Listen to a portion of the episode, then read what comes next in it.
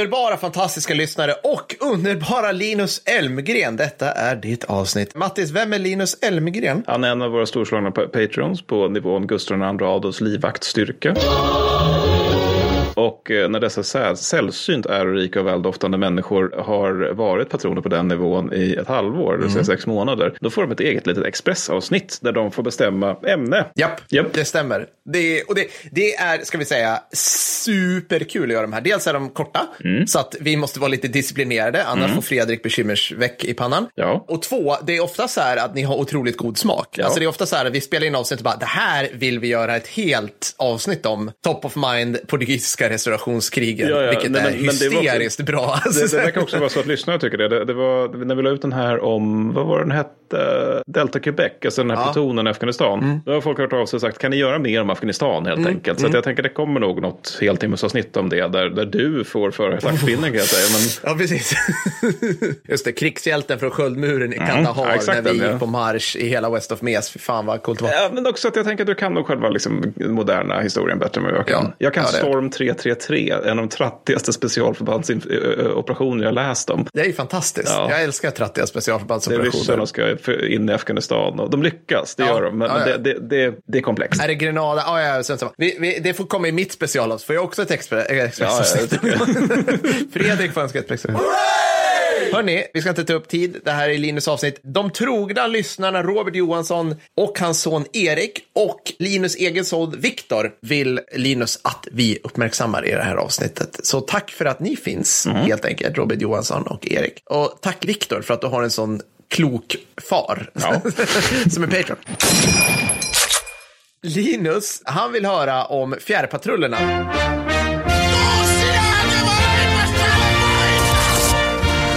Suomen sotilas vastaa kymmentä ryssää. Mutta mitäs sitten tehdään, kun tulee se 11? Vilket fick mig och Mattis tänka så här, hmm, vi har pratat om fjärrpatrullerna, men man kan aldrig prata för mycket om fjärrpatrullerna. Nej, det var avsnitt 23. Ja, eh, Så ja. det. Men, och jag frågade Linus om detta och han sa att nej, men jag vill höra det i alla fall. Ja, men det är fantastiskt. Men grejen var ju då att det var jag som pratade fjärrpatruller. Just Och det här det. avsnittet ska Per få prata om fjärrpatruller. Absolut, absolut. Med, så här, äh, med, med, med säkert korrigerande från Mattis bara, mm, var det inte så här? Medan Mattis drar sig lite skägget. Nej, jag ska bara. Så här va? ABF-gubbe-grejen. Ja. Ja, precis. Vi, fjärrpatrullerna är ju liksom, det är lätt att man, man ser framför sig liksom ett vinterkrig och sen är det två delar i finska armén under finska vinterkriget. Det är, och fortsättningskriget. Det är liksom så här skyttet som ligger i skyttegravar och spränger ryska stridsvagnar och sen har man fjärrpatrullerna.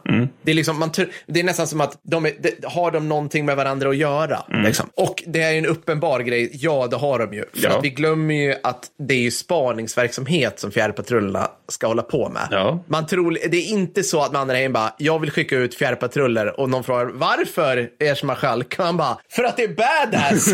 Fattar du? Om, om 80 år kommer folk bara, shit vad coolt, skida aslångt, käka pervitin. Jag vill ha ett all- halsband av sovjetiska generalers öron.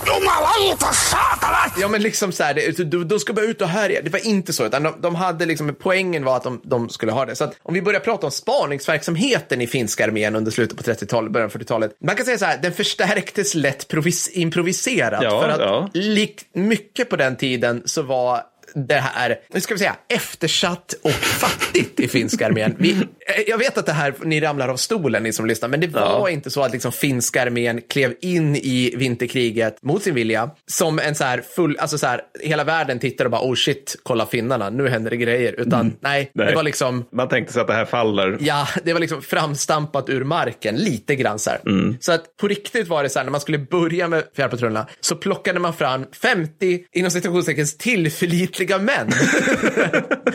med stridserfarenhet från Rate och Kumo. Så det här, och det, Mm. då ska vi också säga så här att fjärrpatrullerna är framför allt fortsättningskriget. Japp. Det är också, det är också en, de hinner inte komma igång under vinterkriget. För Nej. vinterkriget går så, plus att det är vi, fucking vinter. Mm. Alltså, till och med finnar behöver liksom lite akklimatisering innan vi ser ut på så här arktiska fucking expeditioner bakom Mm. fiendens linjer som hade varit liksom slutsatsen. Hur som helst, varför tog det då liksom, varför tog det tid att liksom få fram de här om vi säger så? Varför, varför uppfann de man dem? Och det är ju i grunden bara för att fjärrpatrullerna är offensiva verktyg, Mm. medan hela finska armén, både idag och då, var egentligen inställd på defensiva grejer, pre-vinterkriget. Det var en elegant poäng, ja. Mm. Ja, men vi ska bara försvara oss. Men sen kom man på så här, någon i generalstaben bara, men det skulle ju vara bra om vi visste vad som händer på andra sidan gränsen. Det skulle vara bra om vi har någon form av liksom underrättelse på andra sidan. Men Per, alla, alla, alla vi som Iron Mm. vet ju att det är bara att trycka på knappen, liksom Recon Soldiers, så Ja. har du liksom den färdiga förmågan för offensiv krigföring. Det Inga problem. nej. Ja, ja, ja, visst. Det Alltså, stri- stridsbana bort till Murmansk, inga problem liksom. Nej, men så, så, så att man fick liksom, hur gör vi det här? Och, och nästan, nästan till så här, och då kom väl någon och bara, ja men jag, bo, jag bott i Karelen, jag kan skida. Mm. Någon bara, bra, grattis, du är nu specialförbandsoperatör. Ja. Utbildning kommer vi in på då. Ja. Eh, och det här är fniss. Ja. För det, känner vi igen det här från liksom sl- slumpmässigt utvalt brittiskt specialförband? Ja. Sju utbildningsplatser fick man igång Ja. precis före och under fortsättningskriget. Runt om i landet av modellen Å, en kursgård som för tillfället inte används. nice! liksom, ja men du vet, alla liksom konfirmandgårdar, kursgårdar, alltså allt det där, det var, det var bara sådana. Det var liksom inte så här regementen. Nej, nej, nej. nej, Utan nej, gamla nej. gods som på något sätt måste ha råd med elen. Så. Ja, ja men exakt så. så. Och då ska jag säga, då var det då två till tre veckors utbildning, det vill säga helt legio enligt all specialförbandsdoktrin under Ja, andra ja. världskriget.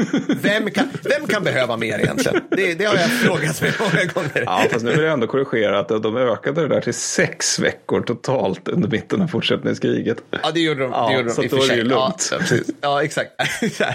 ja, så att, jag, börjar... Vad lär man sig på två till tre veckor i Ja, men militären? liksom, Per? jag, ja, men jag börjar undra så här, är det inte så att liksom hela det militärindustriella specialförband-etablissemanget, alltså Devgru, alla böcker, allting, Mm. de har liksom lurat oss att det tar, tar åratal att bli en operatör. Ja. Liksom. Det kanske de, de kanske, vi, alltså vi har ju ingen aning Nej. egentligen. Nej, liksom. Men, men, men samtidigt så, alltså, förlåt men ett instick här är ju att något som jag tycker Ukraina-kriget så här långt Ja. har påvisat det är att man kan göra ganska mycket med soldater på ganska kort tid Ja. om det brinner i knutarna. Ja, alltså exakt. de här som har skickat till Storbritannien till exempel för utbildning, det är ju typ så här färdiga brigader efter bara några månader Ja. anser man. Liksom, Ja. Alltså de är tillräckligt bra för att kunna göra saker. Ja, men precis. Liksom, och, och case in point, liksom, några av de mest framgångsrika specialförbandsräderna i historien genomfördes under VK, VK2 av folk som genomgått en utbildning av längden så här, sommarskrivarkurs på valfri folkhögskola. Det är något som du bara driver av under semestern Ja, för att få feeling. Du vill kul. dricka rödvin med, med folk liksom, och så här, Ja. jobba på ditt, din diktsamling eller något sånt där. Ja, och roligt sammanträffande. Det var ju på sådana platser då som fjärrpatrullerna utbildades, det vill säga folkhögskolor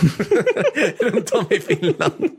Så allt bara goes round comes round. Men då, de utbildades inte i vinprovning, diktskrivning eller till yogalärare, eh, utan i fiendekännedom, observations och jägarfärdigheter. Jag gillar det. Det. det är bara, tryck ihop det. Ja. Orientering och lite ryska Ja. fick de då såklart också. Mm. Sen fick en grupp patrullmän ge sig på en hopputbildning också. Mm. Och det här, nu kommer vi in på det här sex veckor som du var inne på. För att man, man, kan, lägga, man kan säga så här att ordet fjärrpatruller får de egentligen först under typ 44. Mm. För det är då när man efter en hel del testande då kommer på att vi måste ha sjöflygplan som provianterar Just patruller. Just det. Och då var liksom, det här med att hoppa ur flygplan, mm, det är för osäkert. Det gjorde man också, men, men generellt var det liksom skida långt utav helvete från egna linjer. Sen har du slut på mat och vatten Ja. när du har tagit det. För du är borta, du, du kan inte bära med dig hur mycket som helst. Nej. Då kan man proviantera och då kan du antingen skida ännu längre eller du kan kvarstanna på plats och spana. Och så. Men, men det är inte aktuellt att du försöker leva av landet. Nej, nej, och liksom, alltså de tidiga fjärrpatrullerna är ju liksom, det handlar ju liksom om några mil högst. Ja. För att du, du spanar, du spanar i fi- Karelen. Alltså det här är ju kul också om man läser dem, för att en hel del av fjärrpatrullerna var då i södra Finland mot Ryssland. Det är liksom tätt befolkade Ja. områden. Alltså de, de gick runt i liksom civila kläder och var fjärrpatruller och spanade. Det är liksom, det är inte det här vildmarken som vi tänker oss. Men, men det är också lite kul om man tänker just de som var i vildmarken. För så här prepper-drömmen när man läser sånt. Det är ju alltid det här med att om du är i skogen, det finns bär och svampar. För, ja, Ja. Fast du ska skörda också. Du ska hitta dem. Du ska veta vilka som är ätbara. Det, Ja. det finns, jag tänker att det finns många problem här. Ja, och- det räcker för jag har en stor kniv. Ja, precis. Molle på min rygga. Men det här tror jag vi har pratat om. Alltså så här, det finns ju i, kan det vara i Soldef eller är det någon annan, liksom så här, man, man räknar liksom, så här mycket mat ska du få i dig om du skidar på vintern med tung packning. Alltså vi pratar typ så här tre kebabpizzor per dag. Du skulle behöva äta en skog med blåbär Ja, för att få i dig yes. det. Alltså det går liksom inte, det går inte att komma upp i de kalorinivåerna som Nej, krävs. nej. Liksom, det, är typ, det är typ en hjort ska du äta om dagen för att få i dig det. Liksom. Ja, men alltså, exempel är ju eh, avdelningen Härtekainen som jag tog upp i avsnitt 23. Så Ja. de, de gick ju alltså, i, alltså, jag tror det är så här 40 dygn eller någonting. Och de, de, de höll nästan på att svälta ihjäl. Trots att de visste ju ändå att det finns blåbär och svampar här. Men de åt ju lite grann, men, men det räckte Nej, inte. det- de, det de, inte. De, för att de bara gick, de förbrände för mycket kalorier. Ja, visst. Nej, det, gud, det är ett helt eget avsnitt. Det är skitkul. Fort, lite, lite siffror. Hund, alltså så här, det här är också kul. Vi tror ju att liksom fjärrpatrullerna, att det var en grej. Mm. Fjärrpatrullerna var, I'm sorry to say, lite grann som Ferdinand-vagnar under alltså, andra världskriget. De var så få att de typ inte fanns. Nej, alltså, visst. 150 män utbildades totalt under mellanfreden Mm. innan det drog igång. Sen utbildar man fler, men alltså det är, det är jättefå. Du får plats med dem på en kursgård. Alltså det är liksom, det är otroligt få individer som har, som gjorde de här grejerna liksom. Jag var inne på lite med, med eh, operationsområdena. Det, är alltså så här, det, det går alltså från hela liksom Salla-fronten i vintertid liksom mot, till Karelenfronten under sommaren. Det är alltså, du kan gå från komplett subarktisk ödemark Ja. till liksom en någons trädgård. Alltså, så här, liksom, det är liksom... Ja. ja, men det, är så här, det är som att du infiltrerar belgiska landsbygden. Det är liksom husfolk och framförallt ryska soldater precis överallt. Så det är liksom där är, som jag var inne på, det blev humint. Liksom. 33 spaningsområden utpekade man rent byråkratiskt bakom fiendens linjer. Och det var liksom mycket typ så här, vi behöver veta vad som åker på järnvägen mellan Sankt Petersburg och Murmansk helt enkelt. Det är sådana där grejer. Så låg man och räknade liksom grejer. Alltså effektivitet? Ja, alltså fjärrpatrullerna var få.